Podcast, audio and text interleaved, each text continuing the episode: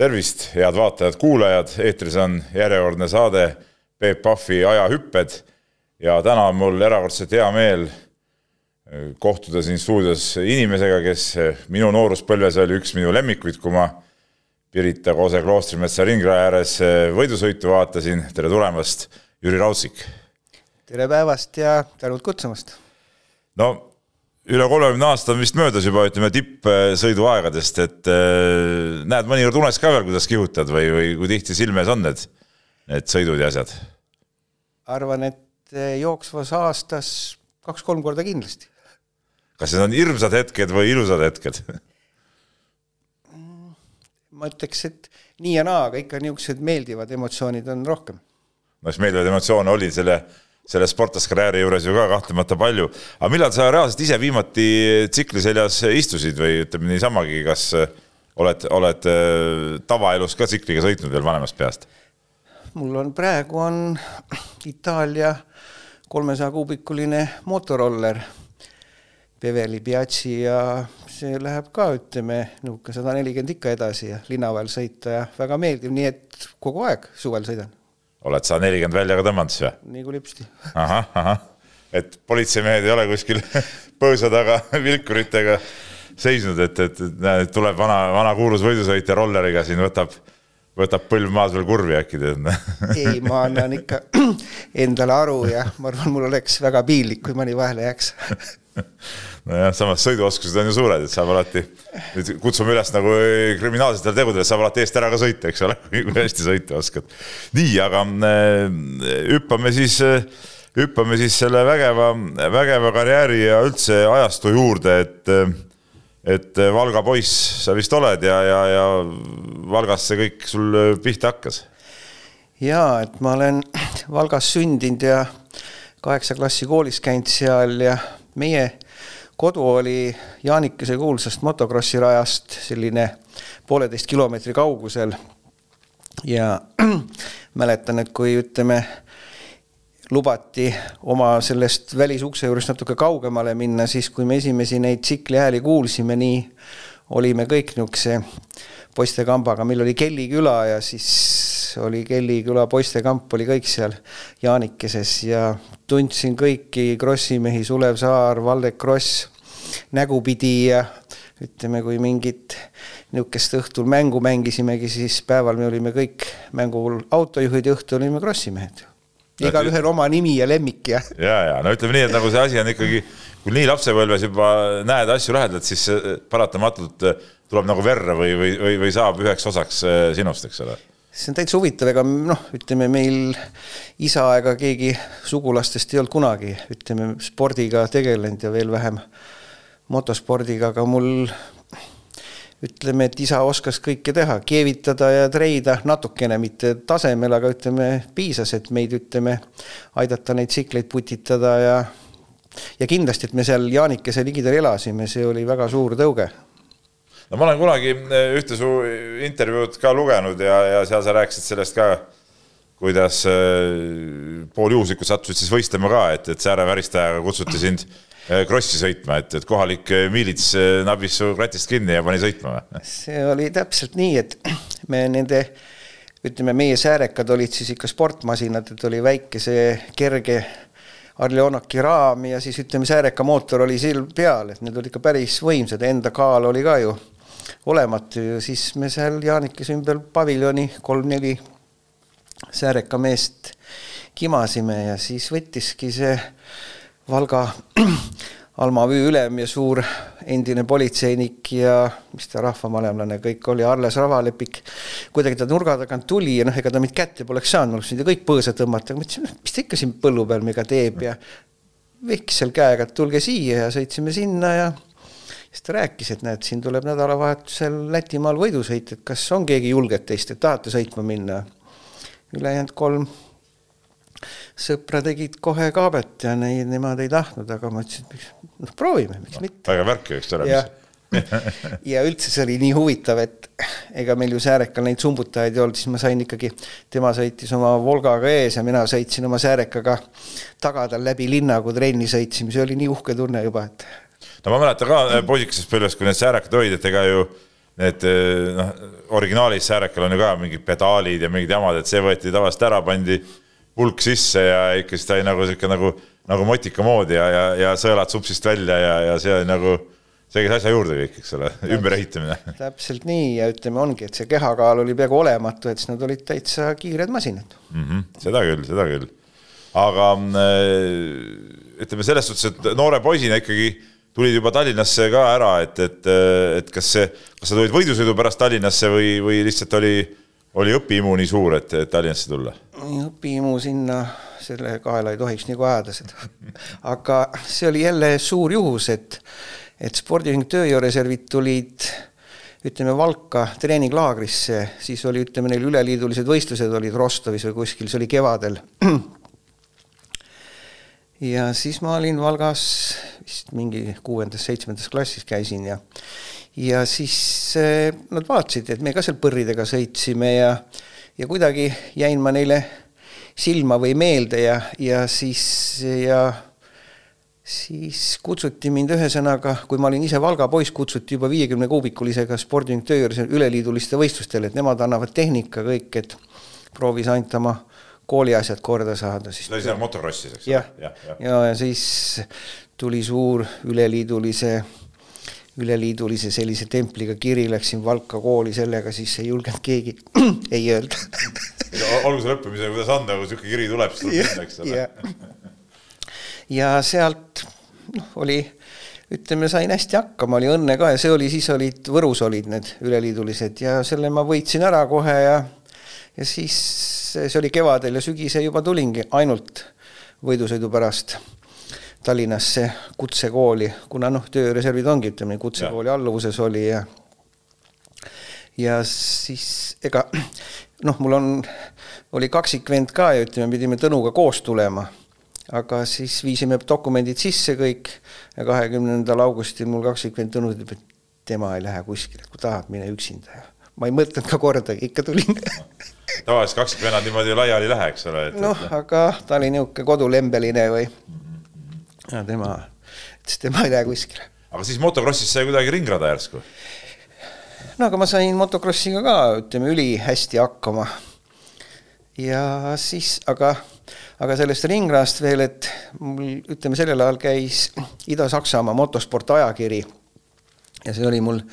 kioskist oli oma tädi, kelle käest ma sain, kuna neid tuli üks-kaks no,. defitsiitsed asjad, kõik ütlesid need omased Tšehhi spordiajakirjad, Start. motorevüü ja. ja, ja, ja siuksed ja, ja. ja siis sain seda ajakirja, seal ma nägin esimest korda, ütleme pildi peal siis seda ringratsüklit ja, ja siis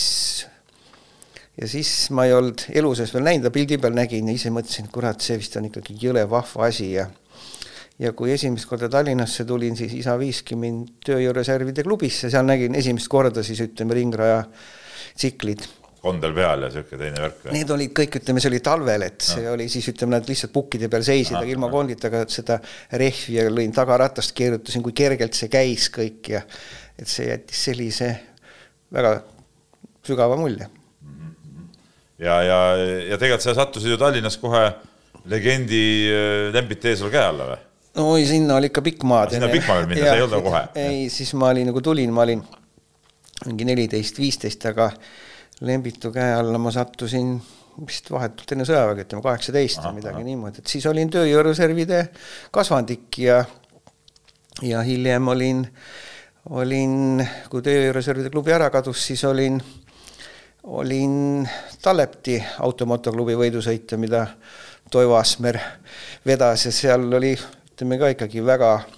huvitav ja vahva seltskond, Toomas Napa ja kelle ütleme, mis ma ikkagi tõesti ütleme, lihtsalt meistrite töökätt nägin, mismoodi neid vormeleid ehitati ja toodi küll see, ütleme, tehasest Estoniasse, Estonia kere sinna, aga sealt see tehti samamoodi ikka hoopis teiseks autoks, kui ta, ütleme, võidusõidule läks. see on legendaarne punt jah, see Tallepti äh, automotoklubi, et, et äh, seal on võidusõitjaid palju tulnud, aga, aga kuidas sa, ütleme, selles tööreservides rääkisid, et läksid, isa viis su sinna, kas siis vaadati kohe, et oh, näe, tore poiss, et näe, siin on tsikkel ja kuku sõitma või pidid ise nullist üles ehitama või kuidas see asi on? ma olin juba, ütleme ju Tööreservide Liidu meistriks ükskord tulnud, ma olin siis juba Moskva stipendiaat, sain iga kuu talonge ja raha ja ütleme, see oli tehtud mees juba siis, noore poisina? ja siis minul olid kõik laouksed ja ja varuosa uksed lahti juba siis, aga ikkagi ütleme ikkagi oma töökus ja ütleme noh, tulemus pidi olema ikka. aga siis võib niimoodi öelda, no praegu jääb niisugune mulje nagu, et, et jube lihtsalt kõik tuli, et seal kõigepealt äh, mingi kohalik miilits viib Lätti sõitma, siis äh, siis juba võist-, päris võistlused, eks ole, head tulemused, et, et annet pidi ikka olema siis ka, ega see no ilma andeta ilmselt nii noore mehena niisugused tulemused ei tule ju. noh, ütleme jah, kindlasti mul on elus õnne olnud, ma olen seisnud, ütleme õigel ajal õiges kohtades ja ja väga toredate ja heade inimestega kokku saanud, aga noh, ütleme lihtsalt ma toon näite, et kui ma tahtsin nii sõita küll tsikliga, ükskõik mis asjaga, siis kui me, kui me oma mehaanik Eduard Krebetsiga tööd tegime, ütleme kondleid värvisime, siis kondlid pidid kuivama, siis see oli Sossi paberivabrikus, siis nii kaua ma lihtsalt, ma kimasin elektrikäruga ringi, et sõita saada et see sõidukihk oli kogu aeg sees, jah? kogu aeg. ja nagu ma aru saan, siiamaani on jäänud, eks? jah. et niisugune väike, niisugune, kuidas ma ütlen, nagu poisilik, poisilik kirg peab, peab mehes, mehes säilima ka aga, aga ikka ma tahaks tulla tagasi jah, selle Lembit Eesla juurde jõudmisega, et, et kas tema, kuidas ma ütlen, nagu tiiva alla saamisega, saamine või, või tema õukonda pääsemine oli ikkagi noorele, siis, et juba nii-öelda tituleeritud noorsportlasele ikkagi ka nagu, nagu suur asi või? ja see oli jälle ühesõnaga, et oli augusti, augustikuu oli ja siis olid Nõukogude Liidu meistrivõistlused olid just läbi saanud ja Lembit oli juba selline võidusõitja, kellel oli kaks mootorratast, ütleme. Ja siis, ja siis mul oli üks hea tuttav jälle, kes natuke Lembitut tundis ja kuidagi tuli mõte, et, et äkki küsiks seda Lembitu teist, tema nagu varumootorratast, et Viljandis on Eesti meistrivõistluste viimane etapp, et küsiks seda sõita. Ja siis ma seal vihuri ukse taga seisin seal ja mina ei tea, siis August lihtsalt viskas sealt ukse vahelt sisse, et no mine küsi noh, tema ei tule, et mine küsi ise noh. ja no Lembit juba mind teadis, ütleme nägupidi ka ja kuna me Krossi trennis koos käisime ja ega lihtsalt vaatas korra otsa ja, ja siis ütles, et lükkame selle asja käima, et saad seda sõita. ja see oli niisugune vahva, et et liidukatel viimasel etapil, et, et Eigo Järvekülg, Viljandi kihutajad, tema võitis vist selle etapi ära, ütleme viimase vihmaga sõit oli, aga noh, tal kogemusi palju ja ja siis, ja siis Lemps oli kellegiga seal kihla vedanud, et, et ühesõnaga, et, et Raudsik sõidab Järveküljes siin Viljandis kiiremini, esimest korda, mis siis niisuguse suure võimsa tsikliga ja ja seda pärast kuulsin ühesõnaga. Ja nii oligi, et, et Lembit seda B-klassi sõitki, et mina sõits-, ei, sõitis küll, Lembit võitis ära, ma olin teine Aha. kohe ja see oli ja sealt see käima läkski. julge mees ka, et julges kohe panustada su peale. jupp ta nägi ikka ära, et seal nagu on midagi no, tulemas. võib-olla aga ütleme, eh, mida siis ütleme, suurmeistrit oli sul õppida ka palju veel või, või, või, või, või, või tema koostöö pigem viis sind rohkem nagu suurtemate võimaluste juurde? ei õppida oli ikka sealt, ütleme noh, niisama kasvõi tavalist, tavalist elugi, et ma olin ikkagi ju noh, Valga poiss ja niisugune tagasihoidlik, ma arvan, et kõiki teietasin ja meietasin. Ja siis lihtsalt nägin, mismoodi Lembit, ütleme, oma töökuse ja sihikindlusega elus asju ajas ja tegi ja ja ütleme, selle võidusõidu koha pealt ikka ta ikka, ütleme noh, kuidas sõita, mismoodi, õpetas ikka kohe väga palju ja sealsamas ka noh, teinekord mitte heaga, aga lausa kurjaga, et kui näiteks ma olin ju, olin spordiroodus soldat ja ma tean, olid liidu mingi esimene või teine etapp oli Riias ja kuidagi ei saanud seda trenni, aga või ma ei tea, kas ma siis ei keskendunud või no kõik samamoodi, aga lihtsalt ei tule seda trenni aega, ma olin mingi kuues ja seitsmes ja ja siis oli aja peale sõit, ütleme viimane ja Lemps ütleb, et kuule, kui sa niimoodi jätkad, siis ei ole muud, kui siit Riiast läheb Leningradi otse rong ette et see kuues-seitsmes, see ei ole meie koht. ja kuidagi keskendusin või ma ei tea ja siis hirm tuli nahka. võib-olla küll, et peab sinna sõjaväkke, tava, tavasõjaväkke tagasi ja. minema ja ja siis vist olin, ühesõnaga siis läks hästi, kolmas või teine või mis iganes ja see nädala lõpp oli kõik väga edukas ja aga et aga et ikka samamoodi, et pinge oli peal, et ütleme seda päris niisugune või võib-olla see oligi see minu edu ka ikkagi, et mul oli kogu aeg, ütleme, pinge peal ja tahtmine ja ma püüdsin kunagi oli, eks ole ju, oli, oli Teesalu, Reinup, Preobrazhenski ja mina neljakesi, kellel siis need Yamahad olid ja kes esimene liidukoondis oli, kes aasta aega käis niimoodi. siis noh, mina olin kogu aeg, ütleme neist ikka natukene maad tagapool, aga mul oli hea sihtmärk oli ees, et kogu aeg ja ütleme, paar ringi alguses ma nagu püüd-, jõudsin nendega nagu seda takti käia, aga aga siis ma ei tea, kuidagi tegid väikse vea ja aga siis ükskord lihtsalt äkki kevadel, et eelmine aasta olin, ütleme, neljastanist tagapool ja siis üks äkki kevadel lihtsalt olid nemad kõik minust tagapool. aga sa mäletad seda korda, kus esimest korda näiteks Leesalut ja neid mehi võitsid? jah, see oli Tbilisis liidu etapp kevadel ja meil kõigil olid ühesugused uued Yamaha mootorid, kõigil neljal ja siis oli teisi ka juba, ütleme ja ja siis sattusid segadusse ka, et kuule, mis toimub, et miks nad tagapool on või? Noh, ei, siis, siis oli juba ikka mingi kogemus olemas, aga lihtsalt ütleme, et tuli kõik nii hästi, hästi välja ja ja oli minu tähtede seis ja väga hea tunne oli no just nii, sa siin mainisid seda sõjaväge ennem, et noh, tegelikult sa olid ju, ju pikka aega äh, sõjaväe palgal ka, lisaks pärast seda, kui sa aega teenisid, sa jäid ju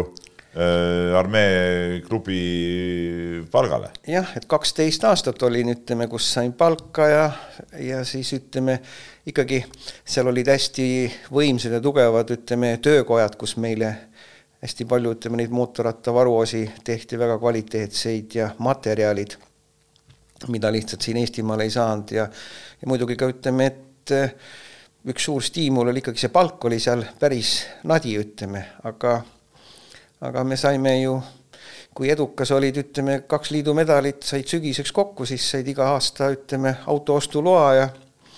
ja siis noh, nagu vanasti oli, eks ole ju, et sa selle said ju maha müüa. seitsme tuhandest ostsid ja neljateist tuhandest müüsid maha selle, ütleme nii, et ühe auto tegid vahelt lihtsalt sealt ja, ja,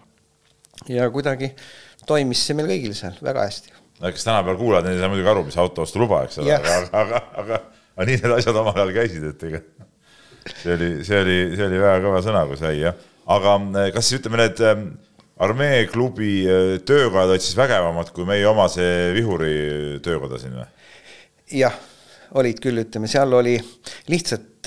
ütleme, armees samamoodi olid noored poisid, kes olid lihtsalt üliandekad, ütleme, kes oskasid treida, freesida ja muidugi ütleme neid materjale, mis meil lihtsalt Eestimaal ei olnud, ütleme, ütleme noh, mm, pool mootorratast on tehtud ju sellel ajal lennuki propellerist, mis oli alumiinium, hästi kerge hästi vastupidav, ütleme, ja need valurattad, mis tehti ka elektroonist, ütleme, ülikerged, mis Leningradis, sellele Leningradis valati ja tehti, et sealt me saime ikka väga palju ja see oli noh, meie edu pant ka. et need ei olnudki ju tegelikult nagu päris tsiklid, ütleme, need ei olnudki nagu, nagu et sa kuskilt ostad, vaid, vaid need sisuliselt ju need teie, teieaegsed ringratsiklid pandigi nagu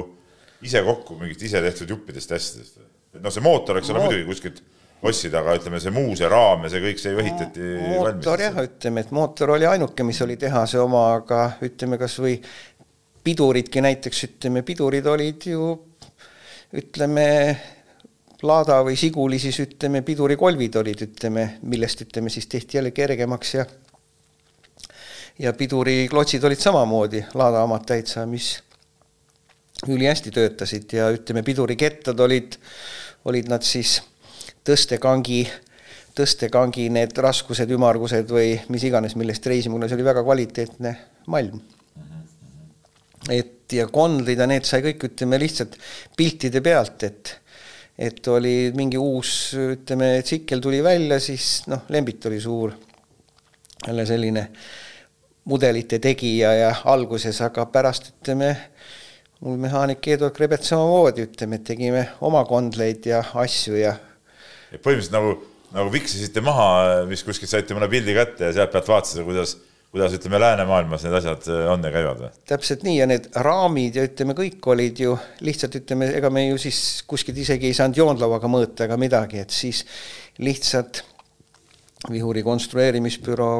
Kalle Karp ja vana Jüri Randla ja nii lihtsalt ütleme, vaadati ja tuletati ja prooviti ja ütleme ja siis nii need kiired tsiklid tulidki, ütleme ikkagi originaal tsikliga ma võin lihtsalt jälle näite tuua, et kui ütleme Pirital, kui Rummu kurvist välja tulles natuke ülespoole mäkke sinna sõita enne stardisirget, mis see S on, siis meie vihuritsüklid sõitsid nagu mööda nööri kõik, ütleme, aga ungarlased oma jammuga vaevalt-vaevalt mahtusid sinna selle kurvi peale ära, et see täiega tulla ja üldse mingit tulemust saada. hirmus kuldsete kätega mehed ikkagi, kes, kes niisuguseid asju suudavad ehitada ja ja, ja, ja nii noh, ütleme töökindlad ja nii kiired masinad välja tulevad, eks ole kõlab nagu täitsa nagu ebareaalselt tegelikult. jah, ega aga see on kõik tänagi abiks tulnud, et oskan viilida ja rauas aega saagida ja ei no seda muidugi, seda muidugi. aga mis auastes sa sõjaväes olid? mina olin, ütleme see kaks väikest viisnurka praporsik nagu, see on siis ütleme, mis sul leping ei sidunud sind, ütleme, ma ei tea, kui kauaks või mis iganes, et kui... üleajateenija põhimõtteliselt ja, oli ja, need jah, jah, jah. kes olidki niisugused kõige libedamad mehed, tegelikult laomehed ja, ja, ja, ja, täpselt, täpselt. ja sportlased ja. ma mäletan omast ajast, no ma olen ka Nõukogude armees käinud ja need praportsikud olid üldjuhul kas mingid joodikud või, või, või mingid siuksed mehed, kes äri tegid sealt oma sellest, oma, oma varudest ja. täpselt nii. päris, päris huvitavad kujud. aga kuidas siin Eestis selle peale vaadati, et no ikka on ju räägitud, et, et noh, omal ajal siin, ma ei tea, Jaak Lipso mängis AKSK-s korvpalli, eks ole, noh, et nagu, nagu, nagu reetur, eks ole. kuidas selle peale vaadati, et sa oled et sa oled hoopis äh, sõjaväe praporsik ja, ja mitte, mitte õige Eesti mees. esimene praporsik oli Jüri Preobrazhenski, ütleme, kes kuidagi läbi suurte imede ja juhust, ütleme, sai sinna spordiroodu sõdurina. ja samamoodi väga edukalt lõpetas oma sõdurikarjääri ja jäi sinna ja ja siis ütleme, teine oligi Lembit Teesalu, ütleme, aga aga alguses noh, mina olin siis ikka täitsa tatt, et ma lihtsalt teadsin neid, et nad on praporsikud, et ega noh, olidki natuke reeturid ka ikka. ja mõni, ütleme, meie tubli võidusõitja lihtsalt, lihtsalt ei läinudki selle pärast, ütleme, et ta oli nagu, jäi siis oma mina ei tea siis, millele oma veendumustele kindlaks, aga, aga see tasus kohe, ütleme, ka tulemustes ja kõiges kätte, et ikkagi meil oli natukene lihtsam, ütleme, seda tehnikasporti teha. Aga kas mingi sõjaväeline, sõjaväeline käsuliin ka toimis, et kui tulemusi ei olnud, siis tuli mingisugune ma ei tea, kes ta seal võis olla, mingi polkovnik või, või kindral või, või major, kes seal ülemus võis olla ja, ja et nüüd kuule, davai, et mehed, hakake tegutsema, tead. õudselt eh, kurb, aga meil ei olnud seda probleemi, kuna me olime iga aasta saime kaks, kaks medalit või rohkem, ütleme liidu esivõistlustelt ja, ja lihtsalt ütleme noh, kus meil see motobaas oli see oligi spordirood, ütleme seal all olid motobaas ja üleval olid siis ütleme teised sportlased kõik, kes siis on samamoodi olümpiavõitjad, olümpiamedalid ja kõik, kes ütleme, noored, kes edukad olid sõjaväes. ja siis ju noh, ütleme talvel ma olin ise lihtsalt tahtsin seal olla ja kuna ütleme talvel ma sain krossi sõita ma olin, seal olid siis neli maailmameest, Gennadi Mojassejev ja Hudjakov ja Ruljov ja Patškov ja siis, ja mina olin neil Rautškov ja ütleme nendega koos olla ja krossi sõita ja ütleme saunas käia ja üldfüüsilist teha, võimlemist ja kõike, see oli lihtsalt noh, ülivahva, paremat ei saagi olla. aga eh, kuidas, kuidas selles suhtes, palju sa pidid siis seal Peterburis kohal olema, ütleme tavaajal, palju sa Eestis said olla või, või, või ega seal kohapeal iseenesest on kogu aeg pidanud olema, et kui võistlusperiood oli, sa elasid ikkagi Eestis rohkem? kui ütleme, kui ma sõdur olin, siis suved läbi olin samamoodi, noh, see oli kaks aastat. seda küll, ma mõtlen pärast, kui juba nagu ei, siis oli, ajal, siis oli ainult, ütleme, me üritasimegi, et me kuus korra käisime, ütleme, palga järel, siis bensiinitalongide järel ja ja siis viisime oma andamise ajal pudel kaks-kolm konjakit või see tähendab Vana-Tallinnat, mis töötas ülihästi ja et seal ütleme koha peal ei olnud midagi ja mul ei olnud ütleme näiteks noh, vormigi, et kui tarvis oli aasta lõpus jälle, et sa paned oma medalid kaela, kõik siis kellegi sõbra käest laenasid selle ütleme siis pintsaku või kitli ja lipsu ja siis läksid, tegid pilti, teksad olid all jalas ja siis oli kõik autahvli peal näiteks et me ei pidanud, ütleme noh, meil ikka täiesti vabad käed ja vaba elu, lihtsalt küsimus oli jah selles, et keda siis esindada ja, ja, ja kuidas nagu raha tuleb. noh, tegelikult nagu puht pra pragmaatiline lahendus tegelikult. Kõlab, kõlab nii, ega siin midagi nagu viriseda, viriseda pole, aga kas ütleme seal niisugust äh, tehnikat, no üks asi autost lubadesse siin korra mainisid, aga ütleme, niisugust tehnikat ka liikus käest, äh, käest läbi, mida, mida sai veel ka nagu kuidagi, ma ei tea, rahaks teha või mis üle jäi või nagu tol ajal ju niisugune see, see must turg, ütleme võrreldes ju, ju tänapäeva eluga, noh, tänapäeval polegi niisugust asja. et, et toona ju althõlma see tegutsemine käis ju ikkagi väga-väga uhkelt, et. noh, teine teine ärimudel oli see, eks ole, et kui, kui näiteks ütleme, kui selles B-klassis noh, ütleme, ma tulin liidu meistriks, siis ütleme, siis oli juba ütleme, Lemsil oli see minu tsikkel juba, juba kellelegi grusiinile või kellelegi maha müüdud näiteks, et, et kui ma finišeerusin, alati läksid tsiklid tehnilisse, ütleme kinnisesse boksi. mina sinna enam järgi ei läinud, siis juba grusiin lükkas selle oma koormasse ja ah,. niimoodi. jah, ja talve jooksul ju ehitasime uue jälle ja, ja veel parema ja kiirema ja ja see ongi, ütleme, see kompenseeris seda, et see palk oli meil ikka noh, ütleme väike, et. no mis on väike? no see on suhteliselt sellel ajal, kui ütleme, teised said ikkagi ütleme kolmsada rubla, mina sain sada seitsekümmend viis rubla näiteks, selline vahe oli. no see on siuke tavaline, ma mäletan, suht tavaline inimese palk tegelikult, eks ole sellega said tegelikult ära elada, aga kui sa saad veel juurde teha muidugi oma mingeid päris ärisid sinna, siis on muidugi teine tera. Noh. et, et jah, aga tol ajal see muidugi see, ma mäletan isegi, ma jõudsin veel sovhoosis töötada ja seal ikka see mingid äh, otsad käisid, et kellelgi lükkasid midagi lahti või, või viisid midagi ja noh, ütleme, see tolleaegne elu oli selles suhtes ikka nagu huvitavam kui, kui praegu, et praegu on nagu, nagu mõnes mõttes nagu igav ja steriilne see elu kõik kui sa ütleme jah, räägime nii, kui sa viitsisid ja ütleme siis lihtsalt need võimalused ise tulid sul kätte, ole ainult mees ja hoia neist kinni ja toimeta. aga kui palju sa ise pidid äh, nende tsiklite ehitamiste juures olema? Äh, oli see nagu ikkagi nagu ette nähtud, et mees ise, kes sõidab, ehitab ka koos mehaanikuga või, või oli sinu põhiroll oli ikkagi sõitmine ja mehaanik pidi selle asja kuidagi kokku panema? ei, täiesti ütleme kõik ütleme algusest kuni lõpuni ka ise ka kogu aeg seal ütleme sellest samast ütleme torude, noh, ütleme väga palju, kuna, kuna Vihur tegi samamoodi, tegi mingit standardtoodangut ja teine oli siis nagu ütleme iga aasta, kes midagi uut ise välja mõtles, selle uue jaoks oligi, ütleme, kui olid mingid metallraamid, siis me tegime uued juba alumiiniumist ja kus oli nagu tänapäeval on, et see mootor on ise üks juba suur keredetail selline või raamidetail, et et siis seda materjali otsida ja, ja siis ütleme, see jälle sinna kokku keevitada ja sobitada ja ikka ise ütleme, täiesti pühendunud kõik. Kas äh, sinu tolleaegne motikas on praegu ka seal motomuuseumis olemas või? viimane motikas täitsa Arno Sillati juures olemas. see on ainus, mis alles on või? jah, et need teised, ütleme, noh, ma ei tulnud selle pealegi, et neid ütleme, hoida või tegelikult ma läksin selle oma eluga nii kiiresti edasi, ütleme, et kui see kui see vihuri aeg ja see Vene aeg läbi sai, siis mul oli juba ütleme, see Honda, Honda Superbike'i tsikkel ja lihtsalt ma olin nii pühendunud sinna, et oleks võinud ju ka ütleme oma tsiklit kas siis mingi võileiva raha eest osta vihurist ära või. praegu see oleks päris hea kaup olnud, ütleme praegu või hilisemal ajal kollektsionääridele ja nii edasi, et, et kindlasti pakuks huvi. jah, need on, ütleme, kindlasti keegi on õnnelikuks saanud, et selliseid masinaid omada. ei, seda, seda muidugi jah. no hüppame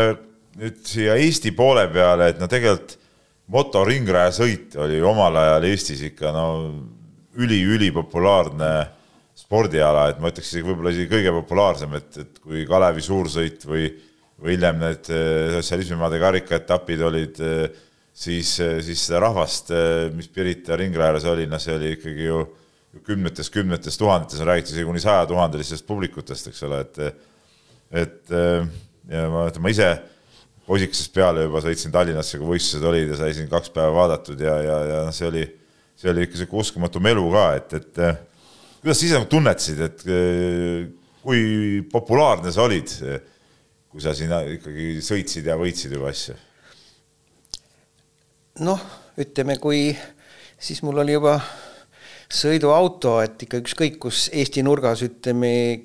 kiirust ületasid või mis iganes, et ei, sai alati kõik jutud räägitud, ma mäletan näiteks seegi oli, siis oli, oli mingisugune esimene sea- ja sõrataud oli, kui ütleme samamoodi Viljandist ei tohtinud sealt läbi sõita, sõita, aga ma Valgast vanemate juures tulin ja läbi Viljandi oli vaja sõita, siis lihtsalt rääkisime juttu natuke ja sai läbi sõidetud. et jah, et kõik nagu teadsid ikka, et see on, see on ikka konkamees, eks ole, et siin no,, siin pole jah, et sai hakkama just ütleme liiklusmiilitsatega samamoodi, et sai kõik jutud räägitud. oskad sa seletada seda, seda meeletut populaarsust, mida see spordiala endaga kaasa tõi? ei oska, aga vahva, vahva oli, ütleme, kui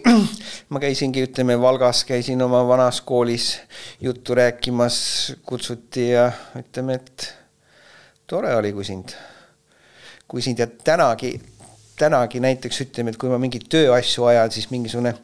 vana mingisugune laomees kuskil ütleme, käid kaubandus, no mingeid asju ostad või mis iganes. siis alles mingi aasta aega tagasi oli üks vanem härrasmees, luges sealt saatelehe pealt nime, siis vaatas, vaatas otsa ja siis vaatas otsa ja ma ei ütelnud ühtegi sõna, ma tegin ainult noogutasin ja, ja mõistsime teineteist aga paraku see ongi jäänud kuidagi, ütleme selle vanema põlvkonna eh, jaoks, et ütleme, üheksakümnendatel see, see huvi juba oli ju tegelikult ju täiesti nagu kadunud, et ma mäletan, kui need viimased Kalevi suursõidud olid, siis oli ju noh, võrreldes eh, kaheksakümnendate, noh, ütleme, kui mina hakkasin käima seal kaheksakümnendate alguses, võrreldes selle ajaga nagu inimesi nagu polnudki praktiliselt enam, et see, et see nagu kadus nagu järsku ära, et, et, et see on ka nagu huvitav, et oli, oli nagu nii ülipopulaarne noh, kõik on ju näinud ka seda filmi, see Vallatud kurvid, kuidas seal juba, juba tol ajal, viiekümnendatel või kuuekümnendatel see meeletu, meeletu populaarsus oli ja, ja siis kuidas ta järsku nagu ühel hetkel ära kadus. noh, üks asi oli, oligi see, et ütleme, need Nõukogude tsiklid nagu kadusid ära ja siis olid, tulid need kallid ütleme siis kõik olid võrdsed, tulid soomlased oma Yamahadega, meil pidid ka Yamahad olema, aga aga kindlasti see on minu arusaam, et et ütleme, seesama vaatajaskond tahab ikkagi oma Eesti siis heas mõttes Kalevipoegi, ütleme, kes ongi eestlased, kes on võitjad, et kui see soomlane võidab, kogu aeg võidab, noh, talle ei paku see mitte midagi, juba selle poolest on huvi kadunud, et kui on oma, ütleme, oma liidrid sellised nagu Anno Velt pärast ka ütleme tuli ja sõitis neid rajarekordid ja see tõi jälle publikut juurdegi uuesti, aga kindlasti, et on, ma tean endastki, et kui täna ma väga piinlik öelda, ka suusatamist ei vaata, aga olid ajad, kus ma samamoodi sättisin oma päeva, et ma otse näeks seda, mitte et ma pärast ütleme, noh, kas järgi ei saanudki vaadata siis, aga aga lihtsalt, kui meie toredad ja kiired sõitsid ja võitsid seal. no öeldakse, et äh, spordireporteri kõige totram küsimus on, mis tunne on, aga ma ikkagi tahaks su käest küsida seda, et et noh, kui sa sedasama Spirita ringrajal äh, võitsid äh, ja, ja, ja auringi tegid ja, ja tõesti see rada oli palistatud inimestest või pärast sealt Tammepärk kaelas seal seda ringi tegid, et mis tunne see ikkagi on, et noh, see, sa said ju nagu noh, kõige, kõige kõvem mees, ütleme, maailmas sel hetkel seal. Noh. see on selline, noh, minul, ma saan ainult endast rääkida ju, et see on selline pingelangus, et eh, ja ütleme sealsamas, ka ütleme ikkagi oledki seitsmendas taevas, noh lihtsalt väga meeldiv ja selline, aga ongi, ütleme ennem seda ju noh, on võib-olla teinud isegi magamata öid olnud või mida iganes, et ütleme seda, seda tehnikat ütleme sättida seal ja kõik ei tule ju nii lihtsalt ja vabalt, mida ütleme teised keegi ei teagi ega, ega ei näegi, et see on kõige suurem, on see pingelangus ja see kõige suurem rahuolu, olu tuleb see järgmine päev alles, ütleme. nojah, et, et Eestis oli see ka muidugi huvitav, et Eestis neid kõvasid sõitjaid oli nii palju, et isegi kui noh, oligi siin ütleme mingi kohalik võistlus, kas või Estikad või, või sama Kalevi Suursõit, võib-olla polnudki alati nii palju neid külalisi siin sõitmas. et isegi see omavaheline see konkurents oli juba nii tihe, et, et sealt võitjana välja tulla oli juba vist nagu, nagu ikkagi kõva, kõva asi. ja ikkagi ütleme, andsid endast maksimumi ja natuke rohkemgi, et no see Pirita ringrajast on ju ka äh, palju, palju räägitud, et äh, et see, see oli nagu tõeline kodurada või, või, või kuidas, kuidas seda Pirita rada nagu hindad?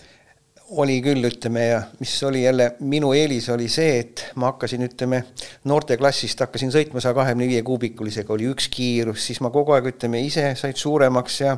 ütleme, masinad läksid võimsamaks, aga ma ise arenesin täpselt samamoodi, et nagu samm-sammult kõik, et siin on ju esimene kord, kui ütleme, need natukene piirid lahti läksid, siis kui need eh, terve rekkatäis soomlasi tuli, mingi kakskümmend, kolmkümmend sõitjat tuli siia, siis need pooled, ütleme, sõitsid trenni ära ja ei läinudki starti, kuna lihtsalt nad ei, kartsid neid puude vahel sõitu ja, ja need, kuidas, ütleme, et kuidas saab raudseks sõita neist kümme sekundit kiiremini, kui Soomes ta saab megast alati kolki kogu aeg, noh, lihtsalt näide. Mm.. see oli kõik sentimeetri haaval oli see peas tegelikult ikkagi. jah, ja ütleme, see psühholoogiline moment ikkagi seal ongi, ütleme, et kui sa nagu natukene oma peanuppu sealt kiivri sellest klaasi tagant välja tuled, siis tuleb tuuletakistus, hakkab tsikkel juba sul mängima, ütleme, et sa ei mahugi raja peale ära või kui sa hakkad üle klaasi vaatama, et paremini ütleme, rada näha või mis iganes, sa peadki peidus seal olema, siis paned nagu mööda trammiteed. no tegelikult see Pirita rada oli nagu üliohtlik, seal olid küll ju nende puude külge need mingid saepurukotid seotud ja aga noh, see on ju ikkagi mõnes mõttes nagu pagasuhha, et ega see ju midagi, midagi seal väga päästa, päästa ei, ei, ei saa, eks ole nojah, ütleme ka täna, täna ongi ikkagi, et need siis noh, see, see rada ja kõik see noh, võib-olla lõppeski kõik täpselt viimasel momendil ära, et siis olid need kiirused veel talutavad, ütleme, need viimased sõidud enam kindlasti ei olnud juba, et siis need kiirused ja see raja laius ja see puu ligidal, kõik ütleme, need ligidal puud, et need ei sobinud hästi kokku enam. aga noh, ütleme maailmas ju maailmas ka ju ütleme, sõidetakse neid tänavaradu nagu Ironmanil ütleme seal, see ongi täpselt nagu meie Pirita linna, väikse linna tänavate vahele üks-ühele kohe. jah, aga see on nagu ütleme, niisugust teist tüüpi sõitjad käivad seal, aga ütleme, siin peeti ikkagi ju, ju nagu meie mõistes nagu noh, võtame see sotsialismimaade karikas oli nagu meie jaoks nagu oma piirkonna või niisugune mm, eks ole, noh, ütleme, see oli nagu kõige kõvem sportlik võistlus, mis üldse olla sai ja seda siin ju sõideti, sõideti, eks ole selles suhtes ta ikkagi oli ju nagu sportlik rada, aga tänapäeval oleks ju mõeldamatu, et et ma ei tea, MM-sõitjat oleks üldse raja peal. ei, ei tulegi, ütleme, see ongi täpselt nii, et ega need, kes on, ütleme seal tänavate radade peal, esiteks nad on samamoodi, on aastaid sõitnud neid ja, ja ütleme, et kui ma arvan, kui tänagi ütleme, Rossi või keegi saata sinna Ironmanile sõitma, siis ta ei tee seal mitte midagi, lihtsalt see kuuskümmend kilomeetrit, see rada pikk juba, et see pähe õppida endale, kus on noh, samamoodi millimeetrilise täpsusega kõik, mismoodi sõidetakse, et siis see võtab aastaid. ütleme, kui me sinna sõitma läksime, siis lihtsalt meil üks Rootsi ajakirjanik, kes meid natukene, ütleme, lihtsalt vedas oma autoga hommikul, sõitsime seda rada jälle läbi ja püüdsime meelde jätta, trennis kergem oleks, siis siis tema ütles, et noh, ta on aastaid käinud seal ja et siis eh, need Karl Fogartid ja esiteks, et nad ütlevad, et on kuskil kuus-seitse aastat on ütleme, selline aeg, kus nad õpivad seda rada. Nad sõidavad kõik kahte masinaklassi või kolme isegi ühesõnaga. ja siis alles ütleme, nad ei pea, ütleme, siis nad teavad täpselt, nagu minule jääb Pirita rada meelde, nendel on see kuuekümne kilomeetrine Ironmani rada ja ükskord oligi hommikul näiteks, ma ei tea, mingi kella kuue ajal või me jälle sõitsime, siis jäime mingit kurvi täitsa vaatama, tulime autost välja ja siis oli selle inglase, ta on õnnetult sai kopteriga surma, Steve Islop näiteks, tema sõitis samamoodi autoga, tuli välja, mingeid asju sammudega luges ja kõik, olgugi et tema on noh, ütleme kümneid-kümneid starte teinud seal juba. noh, tema ongi, ütleme, võidumees ja sõidumees, kuna noh, see oli, seal oli juba need rahanumbrid olid, võidusõit käib raha peale ja need rahanumbrid, kus sa starti saad juba, need olid nii suured, no ütleme nii, siis nimetati teerahadeks, aga see on see, et sa pead selle teeraha välja võitlema. ja ütleme, need esimese koha sõitjad ikkagi, need said, võib-olla ta ei pidanudki terve aasta aega siis tööd tegema. see Manisaare sa oled ühe korra sõitnud ise? käisite Jüri Randa juunioriga vist koos? see oli juba karjääri, karjääri lõpus, eks ole, siis sa oled päris kogenud mees ka juba? ei, siis ma just hakkasin Superbike'iga. ja seda küll, ma mõtlen, no said nagu siin nende tsiklitega siin sõitnud juba, et, et karjäär oli nagu selles suhtes, no mitte lõpus, vaid jah, ütleme nagu siis nagu hilises, hilisemas faasis nagu. aga ma tahaks tulla veel ikkagi tagasi selle, selle Pirita raja juurde, et et mis see, mis on Pirita raja kõige ägedam äh, koht sinu jaoks, kus sa, kui sa sõidad või kus, kus sa, millises lõigus sa sõitu kõige rohkem nautisid? väga hea küsimus. Ambruse mäest ülesminek, ühesõnaga, kui see, kui sellesama masinaga sõitsin see on kõik võib-olla väike Ambruse mägi on. seal see pool viltu, siis seal on mingisugune, sellel ajal mingi väike nõks oli, et siis tsikkel oli pool viltu täitsa, võtad põlv vastu maad sulle, siis tõstis, ütleme, esiratta ülesse natukene ja siis võtsid püsti ja siis läksid peale seda mäest alla sinna auku samamoodi võid tagaratta peal sõita, see on kõige-kõige. see eeldas ka jälle niisugust, et pidid ikka nii-öelda nagu mees olema, et seal niimoodi sõita? noh, ütleme mingi kilometraaž pidi sul olema, et sa tsiklit tunnetad ja ütleme ennast sisse sõitnud. nojah, et, et äh, seal on muidu legendaarseid kohti on palju, need, need S-id ja, ja rummukurvid ja, ja, ja, ja nii edasi, eks ole, et noh, et see Rummukurv oli ka üks niisugune koht, kus äh, seal vist sõltus kõik nagu sellest, et äh, kes hiljem pidurdama hakkas või, või kes julges hiljem pidurdama hakata või? jah, aga noh, ja too oli jälle hea, et seal said ju õppida ja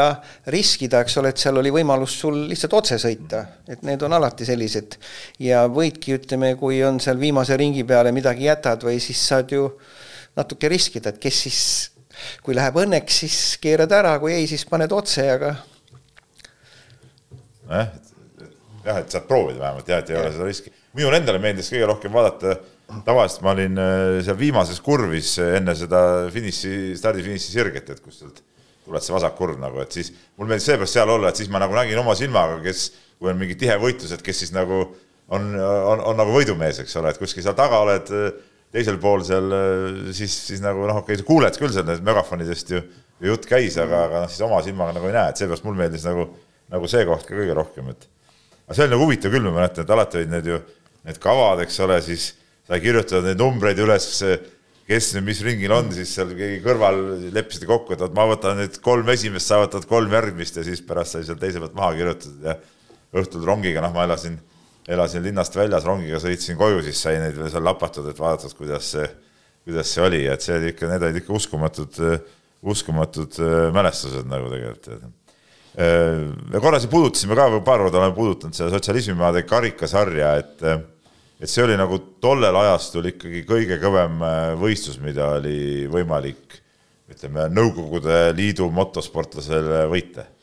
see oli jah, meie ainukene väljund, ütleme, ja seal kah, ütleme jälle esimesed kaks aastat, ütleme, kui see sari käima läks ja Vihuri võidusõidumeeskond, ütleme, käis, siis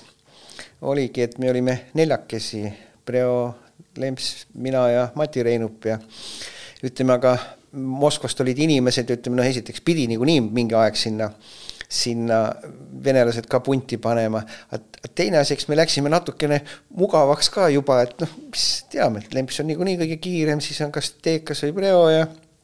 mina seal taga lõpus. aga nagu venelased või keegi tuli punti, siis me pidime ikkagi ennast kohe jälle hästi palju pingut-, see on ainult minu nägemus jälle, aga me pidime jälle pingutama hakkama, ütleme ja, ja see tuli ainult kasuks kõik.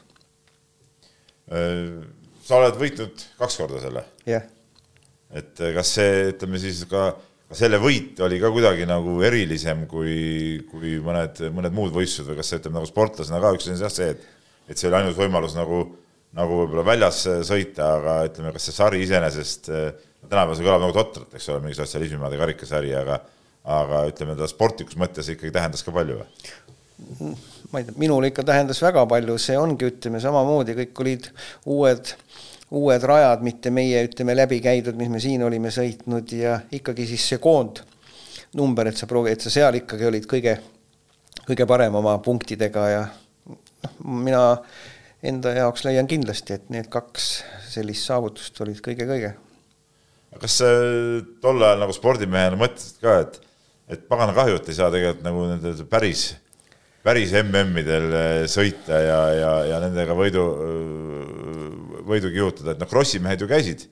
krossimehed ju käisid MM-idel, eks ole, aga, aga ringrajamehed ikkagi ei saanud sinna hästi. meie ütleme, et CSKA-ga käisime vist kaks korda, ühe korra käisime Brnoos ja. üksikud etapid, eks ole. jah, MM-etapid lihtsalt, aga noh, ütleme see meie tehnika, see vahe ja kõik see oli lihtsalt ütleme öö ja päev on, ütleme maa ja kuu, ütleme nii suur vahe oli, et me olime nii õnnetud seal ja kõik, et et noh, ütleme venelased tulid, et siis me pidimegi, et saime, et ma olen Brno raja peal sõitnud seal paar ringi, aga noh, et see Krossis oli võib-olla natuke lihtsam, et see standardtsikliga kostetigi see see ütleme KTM või mis iganes, et siis natukenegi ütleme, said nad seal sellega ütleme mingit konkurentsi pakkuda, aga me olime väga-väga õnnetud ja, ja ma ei, ühesõnaga ma ei tundnud sellest mitte mingit puudust, kuna ma lihtsalt teadsin, et see ei vii mitte kuskile. aga mis see nende teie tsiklite, ütleme noh, tol ajal ju, sinu ajal vist viiesajastega enam ei sõidetud, eks ole, et, et Lemps jõudis sõita siis kakssada viiskümmend oli, A oli see nii-öelda see, see kõige kiirem klass, et mis, mis nende sihuke maksimumkiirus oli üldse? Olen kuskil niisugune kakssada viiskümmend, kakssada seitsekümmend kuskil selle vahepeal ütleme, noh, see on, ütleme, see ongi Pirita sirgel siin, see oleneb ülekandest ja rajast, eks ole, kui niisugune kiire rada või Viljandis või, ja need olid ka ikka väga-väga kiired. aga sa sõidad kahesaja viiekümnega seal Pirita ringraja sirge peal, mida sa näed siis üldse? kas see on niimoodi, et see, et see rada jookseb nagu sinu jaoks nagu, nagu kokku või, või sa ei, sa ju ei ei suuda tajuda seda, mis, mis ümberringi on. mitte mingit probleemi, see ongi jälle, et, et ma olen, ütleme noh, mul õnnestus samamoodi, et kuueteistaastaselt alustasin seda ringrajasõitu ja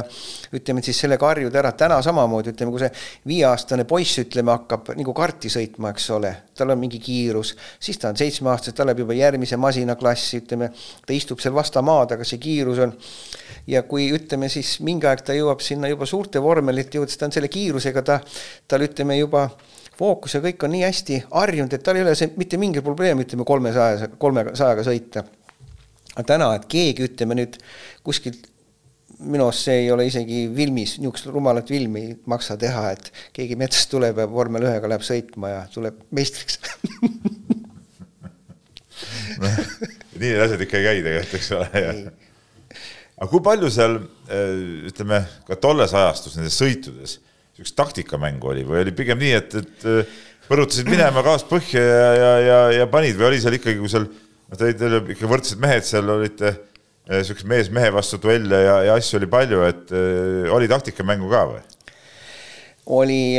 minul jälle ütleme, kes oli Lembit Teesalu niisugune oligi taktikatöötaja ja oli Tõnu Karner, vana võidusõitja selline. ja kui oli Pirital viimane etapp ja siis mul äkki õnnestus, mõtlesin, et ühesõnaga mul oli võimalus, et kes selle viimase etapi ära võidab, see saab liidu meistriks, kas Teesalu või mina siis. ja siis Karner ütles mulle, no tavaliselt oligi niimoodi, et, et Teekas läks ette ja siis sealt teised taga proovisid, ütleme midagi teha, aga see kunagi ei õnnestunud. Karner ütles mulle, et tead, nüüd on nii, et et lükka oma tsikkel käima ja pane nii kiiresti eest minema, kui vähegi saad, ütleme kaks-kolm ringi sõidad ära, ütleme, ja nad sulle järgi ei jõua, siis nad jätavad sind rahule ja oledki, oledki võidumees, et muidu, kui sa hakkad seal kassi hiirt mängima, siis alati mängid ennast, mängid maha ennast ja, ja nii oligi, läksin stardist ja sõitsin kaugele eest ära ja tulin liidu meistriks esimest korda. kuidas käib eest ära sõitmine, võrdsed mehed, võrdsed tsiklid siis see, kes ikkagi alguses ette saab, tal on ikkagi mingisugune eelis nagu, et tema saab trajektoori paremini valida ja samas noh, teine võib ju tuulest lõpuks välja tulla. see trajektoori valik ei olegi nii, aga ütleme jälle, kõik on inimesed ja kuidas keegi ärkab. ütleme, et teine võib-olla on, ütleme, alles peab kolm ringi ära sõitma, ühesõnaga, et ta natukene hakkab või koba on või kõik, aga see ongi see, ühesõnaga, et kui sa, kui sa ütleme, teed endale sellise sellise siis ütleme taktika, et ma lähen siit ja kohe maksimumi peal nii palju, kui jõuan. Ja teist korda ma kasutasin, kasutasin seda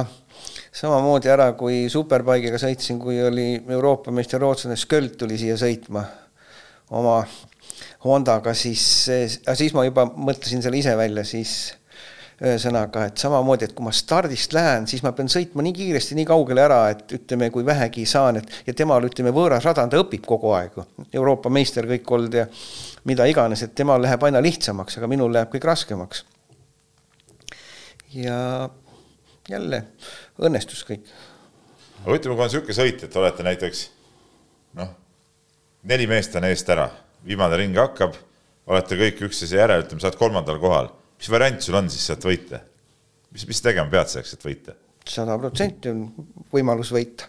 aga nad peavad ees eksima, need kaks esimest või? siin on jälle ütleme, ütleme sellised, mida ma olen korduvalt kasutanud, ütleme Lembit Teesalu sõnad, et meie siin sportlased, nagu me oleme, me ei ole keegi maailmamehed, mitte keegi ei kasuta kunagi maksimaalselt seda pidurdusmaad ära mitte keegi, me ei ole keegi maailmameistrid ega mitte midagi. lihtsalt alati võid võtta natukene selle pidurdusmaa lühema ja see on töötanud hästi palju et lihtsalt eh, noh, et see ongi see, siis saad kur.... psühholoogilist lihtsalt ühesõnaga, et ma olengi ja. natukene ja, ja noh, meil ongi, et, et, et noh, seal vahegaasi põnn, põnn, õnn, õnn kõik, aga, aga teed maksimumi peale ja. aga see eeldab ikkagi julgust või üle enda jaoks mingisuguse piiri ületamist, et sa, et sa tead, et, et noh, kui sa oled, ütleme, hakanud kogu aeg siin selle, noh, sul on ikka mingi punkt ju, kus sa hakkad pidurdama tavaliselt enne kurvi. kui sa nüüd lased sellest punktist üle, siis see eeldab ka ikka mingi, mingi psühholoogilise barjäärist eh, ülehüppamist. jah täpselt nii. peab olema niisugust otsustavust, otsustavust, et seda. no aga see ongi ju, eks ole, et, et on võistlejad, kes tuleb, ükskord võidab ühe sõidu ära ja on neid, kes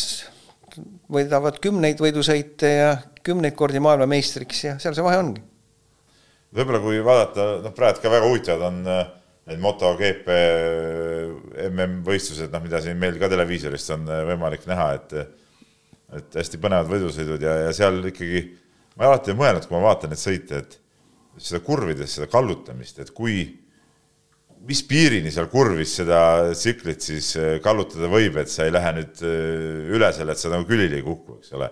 et, et äh, kas sa oskad seletada kuidagi seda, seda tunnetust, et kus sa seda kallutamise piiri nagu tunnetad?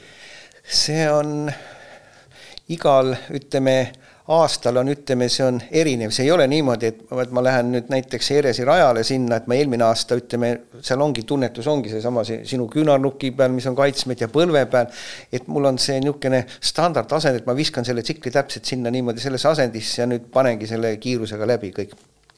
see on iga kord erinev ja siin on jälle, kes ütleme, jälginud neid sõite, on siis on selline tore sportlane nagu Mark Marquez, kes siis lihtsalt noh, ta nagu katsetab, kui on, enam ei pea, siis on nagu kass hüppab püsti, ühesõnaga läheb, võtab järgmise tsikli ja, ja siis ta teab, et ütleme siit enam edasi, selle täna ja homme, ütleme selle nädala lõpus siit edasi ei saa enam minna näiteks.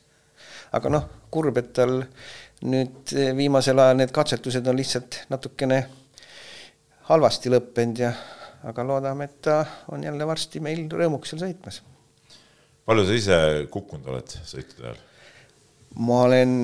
väga-väga arg võidusõitja olnud, et mul ei ole ühtegi konti katki olnud ega midagi. Pole keegi võidusõitja siis ju? no see on ikka harv nähtus, kui ütleme, nii palju sõitnud ja nii, nii kõrgel tasemel sõitnud mees äh, on pääsenud nii kergelt. see on jah, arg nähtus. aga hirmu oled tundnud sõidu ajal?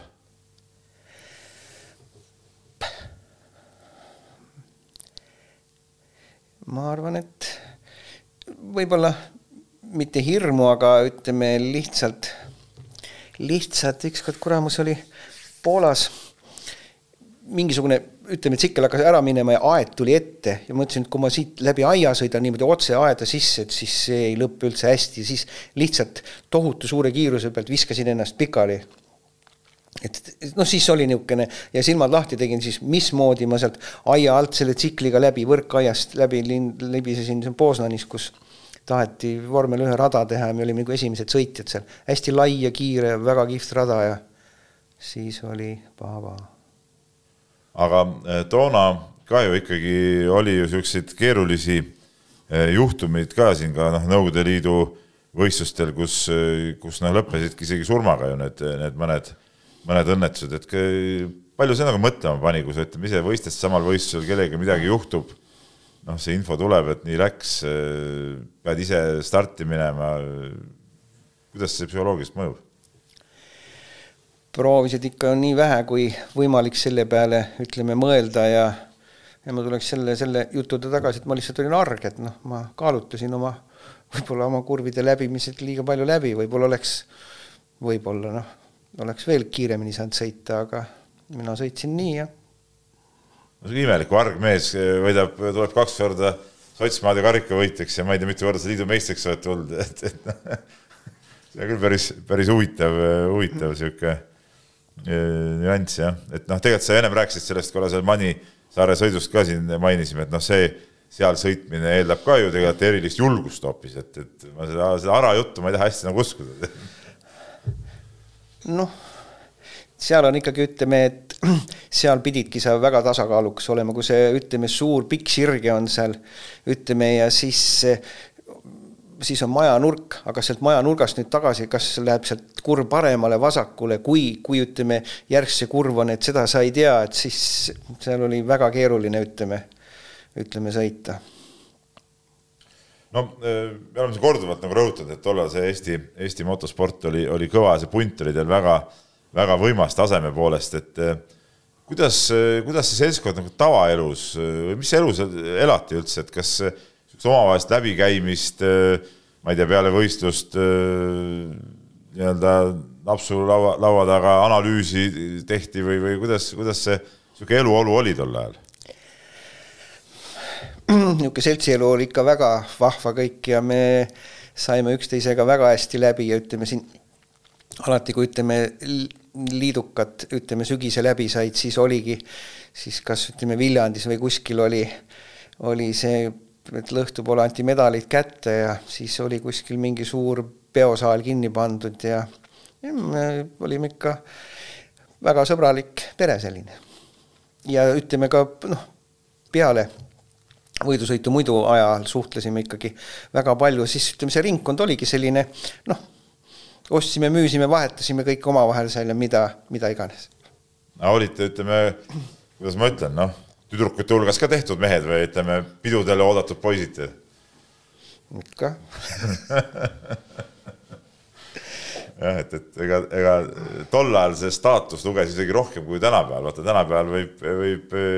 iga mees ennast kuskil ööklubis nagu, nagu härjaks pidada, aga tollal oli nagu ikkagi teada, et mis, mis mees oled ja, ja, ja neid siukseid, neid äh, tegijaid mehi oli ikka kuidagi nagu vähem. ega me väga palju ütleme siis sellistel noh, ütleme siis ei olnudki ju sellel ajal ööklubisid ega, ega selliseid, aga ütleme muidu üritustel ja ikkagi vahva oli aga need üritused nagu tarvis, et pingeid ka maha võtta, ma kujutan ette, et see, see ütleme siuksel, siukse tasemel kihutamine kogub ikkagi seda pinget ka päris kõvasti, et kuidagi tuleb need pingetest vabaneda, eks ole. jaa, aga noh, ütleme siis ei olnud see graafik ei olnud nii tihe, et ütleme, kui need sotsmaade sõidudki olid, siis oli ju, ütleme, me jõudsime kolmapäeval, neljapäeval jõudsime sinna võistluspaika, siis ütleme, oligi noh, neljapäeval reedel oli sihuke laagri ülespanek ja kõik. laupäeval olid trennid, pühapäev oli siis sõit ja õhtul oli alati oli, oli sotsmaadel oligi niisugune etikett täitsa, et siis oli bankett pidi olema siis see korraldaja maa, kes seda tegi. seal oli, need olid alati väga-väga toredad peod kõik, olid see siis kuubakas või sakslane või siis kuubakad olid niisugused tagasihoidlikud väiksed poisid, aga kui nad seda, seda siis, on ta siis vene viina või mis iganes, olid endal suu täis võtnud, siis küll nad tahtsid rääkida. nii hästi meeles see väike mingi kutt oli,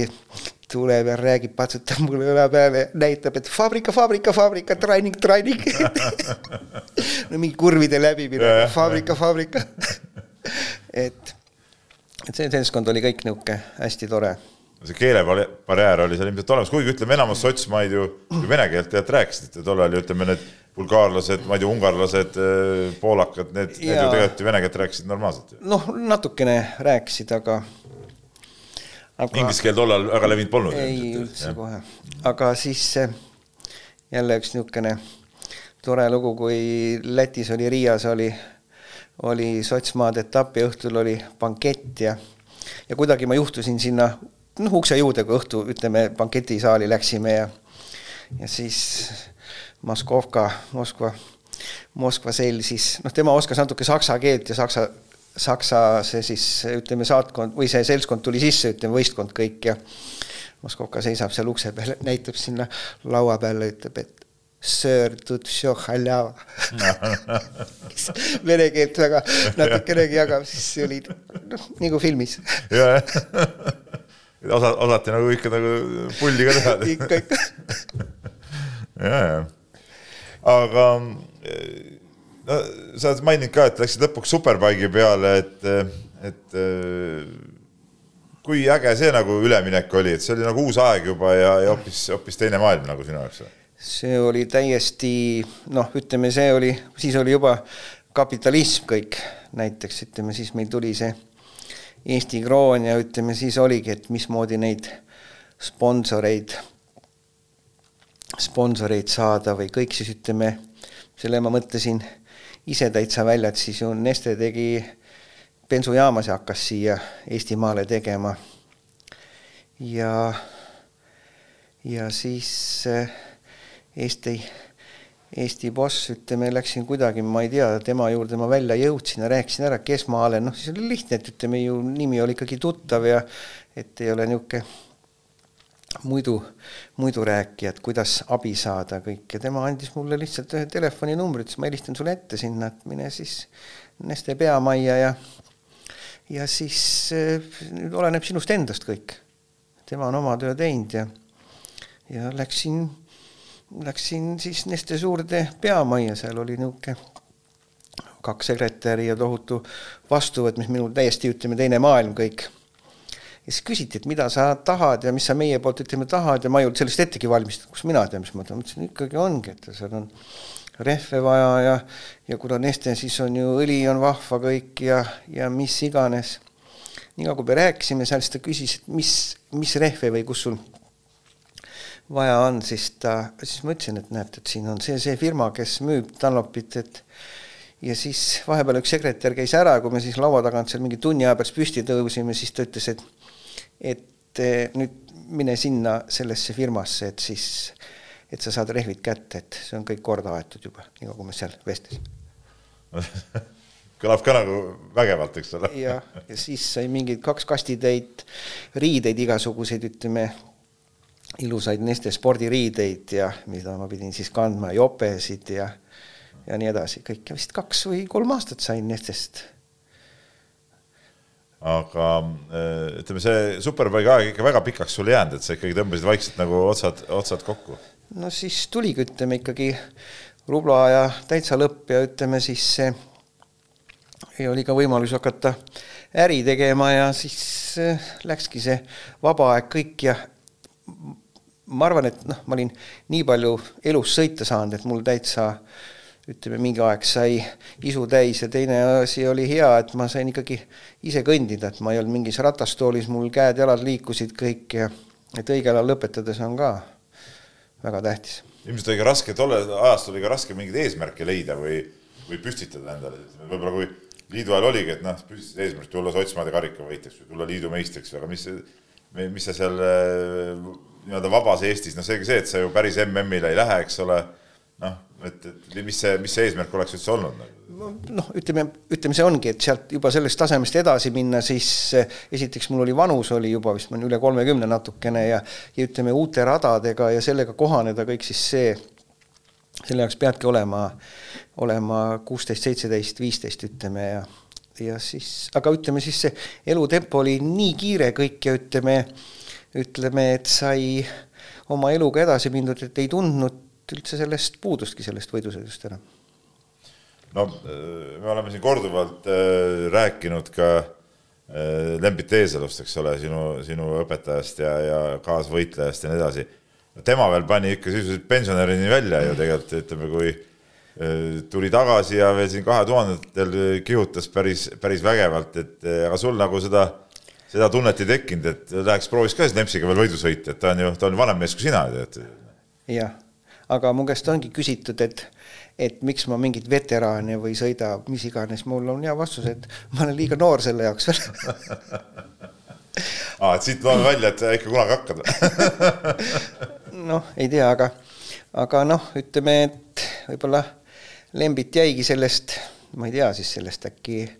sellest rongist maha või ütleme, et ta jäi sellesamale tasemele nagu kunagi, kui ta omal ajal lõpetas ja tahtiski seda elu elada, aga see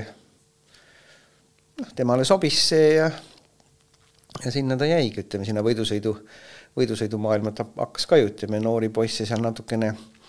kantseldama ja nendega kaasas käima ja aga jah, minul sai kuidagi oma kilometraaž täis, ütleme nii. nagu sa ütlesid ka ennist, et sa, et sa olid niisugune arg, arg, arg võidusõitja või ettevaatlik võidusõitja, et et äh, võib-olla superbikeidega hoog läks veel suuremaks ka ja ütleme, vanus tuleb peale, siis paratamatult inimene muutub alalhoidlikumaks ka, et võib-olla, võib-olla polekski sellises vanuses enam julgenud niimoodi, niimoodi vajutada või, või kallutada seda ei kindlasti, et ma ei olnud nii kiire, mul oli, ütleme, oligi Soomes mingid uued rajad olid või ütleme noh, ma, ma ei saanud seda rahuldust ja tulemust, mis ütleme, millega ma olin siiamaani harjunud või hakkama saanud või. aga kas on, praegust seda meie äh, ringraja sõitu vaadata, et äh, kas on kurb ka, et okei okay,, meil on see Soomer siin sõidab ja, ja mingid, mingid äh, poisid võib-olla veel siin vahest äh, sähvatavad, aga, aga ikkagi niisugust, kuidas ma ütlen, nagu päris spordialane motoringraja sõit ikkagi on noh, meil sisuliselt ju varjusurmas. Täna on jah, ütleme, et annaks ainult Annesele kiirust ja häid starte, et ta on ikkagi väga paljudele väikestele poistele ja noh, loodame nüüd, et täna nüüd ongi, ütleme, sellised masinaklassid tulnud jälle, millega ütleme, harjutada, mis ei ole väga kallid ja millega nagu seda kiirust saada ja ja noh, minu arusaam, et meil see Eesti on nii väike omaette, Läti on nii väike omaette, Leedu on omaette väike, et siin peaks ikkagi olema kõik mingid sarjad, mis on, ütleme, on ta Baltikumi sari või et, et sealt seda konkurentsi saada ja peabki konkurents olema, ühesõnaga, et siis kui meil on siin kõva konkurents, lähed Soome sõitma, oled seal ka, ütleme, sa kiire kohe. aga kui neil omavahel, ütleme, nad siin, Eesti sõidab oma Estikaid, kus on viis-kuus sõitjat ainult, et noh, seda on vähe. Oled sa kuidagi praegu näppupidi asja juures ka või et, et, et, et neid asju, asju ja olukordi parandada? ütleme, et ei ole, aga ma Marko Rohtlaaniga suhtlen ikkagi, ikkagi ütleme ja siin aastaid olen Toivo Asmeriga seda suurt võidusõitu proovinud oma mõtetega ja, ja ideedega et.... aga see vist sai nüüd ka otsa nagu, et see, see aasta seda pol-, eelmine aasta seda polnud enam. jah, ja ütleme ja noh, see aasta vist ka ütleme, meil on täiesti teadmatus, aga, aga Pärnus võidusõite ma käin vaatamas ja ma ikkagi tean, mis Eestimaal toimub nii ringrajas kui ka krossis. nojah, et, et päris selga ei ole pööranud, et ikkagi see, kuidas ma ütlen, see, mis, mis ikka hinge on kunagi läinud, siis ikkagi tõmbab jälle tagasi nagu, nagu vaatama. Noh, et täna on, ütleme, võib-olla aega, aega ka natuke rohkem, et ma noh, ma ütlen, mingi aastaid võib-olla ei käinud üldse, ütleme, võistlustel ega midagi, aga, aga täna ütleme, kaks-kolm suuremat motokrossi ja ütleme, kaks-kolm sellist eh, ringrajasõitu ikka aastas käin vaatamas ja muidugi autod on toredad meil, mida vaadata. no äh,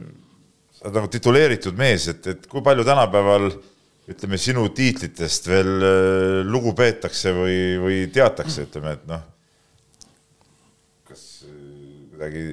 noored, noored sõitjad teavad, mis mees sa üldse olid või? ei tea ja ma arvan, ei peagi teadma, et las see jääb meie sinna meie ealiste ja, ja, ei peagi, tulevad oma uued, uued kangelased ja. jah, samas ei tohi vanu kangelasi ka päris ikkagi ära unustada minu arust. nägupidi võiks ju ikkagi teada neid sama, nagu ütleme, mina tean nägupidi ikkagi täna, ütleme neid Eestimaa nii krossi kui ringrajamehi kõiki. see võiks niisugune vastastikune olla. selge, aga väga tore oli, oli vestelda ütleme ka tehnikaspordi ja motospordi teemadel, mis tõesti Eestis oli kunagi siis ülipopulaarne. see oli siis saade Peep Pahvi ajahüpped ja kahe nädala pärast on meil siin jälle uus mees ja, ja uued jutud. aitäh vaatamast! aitäh!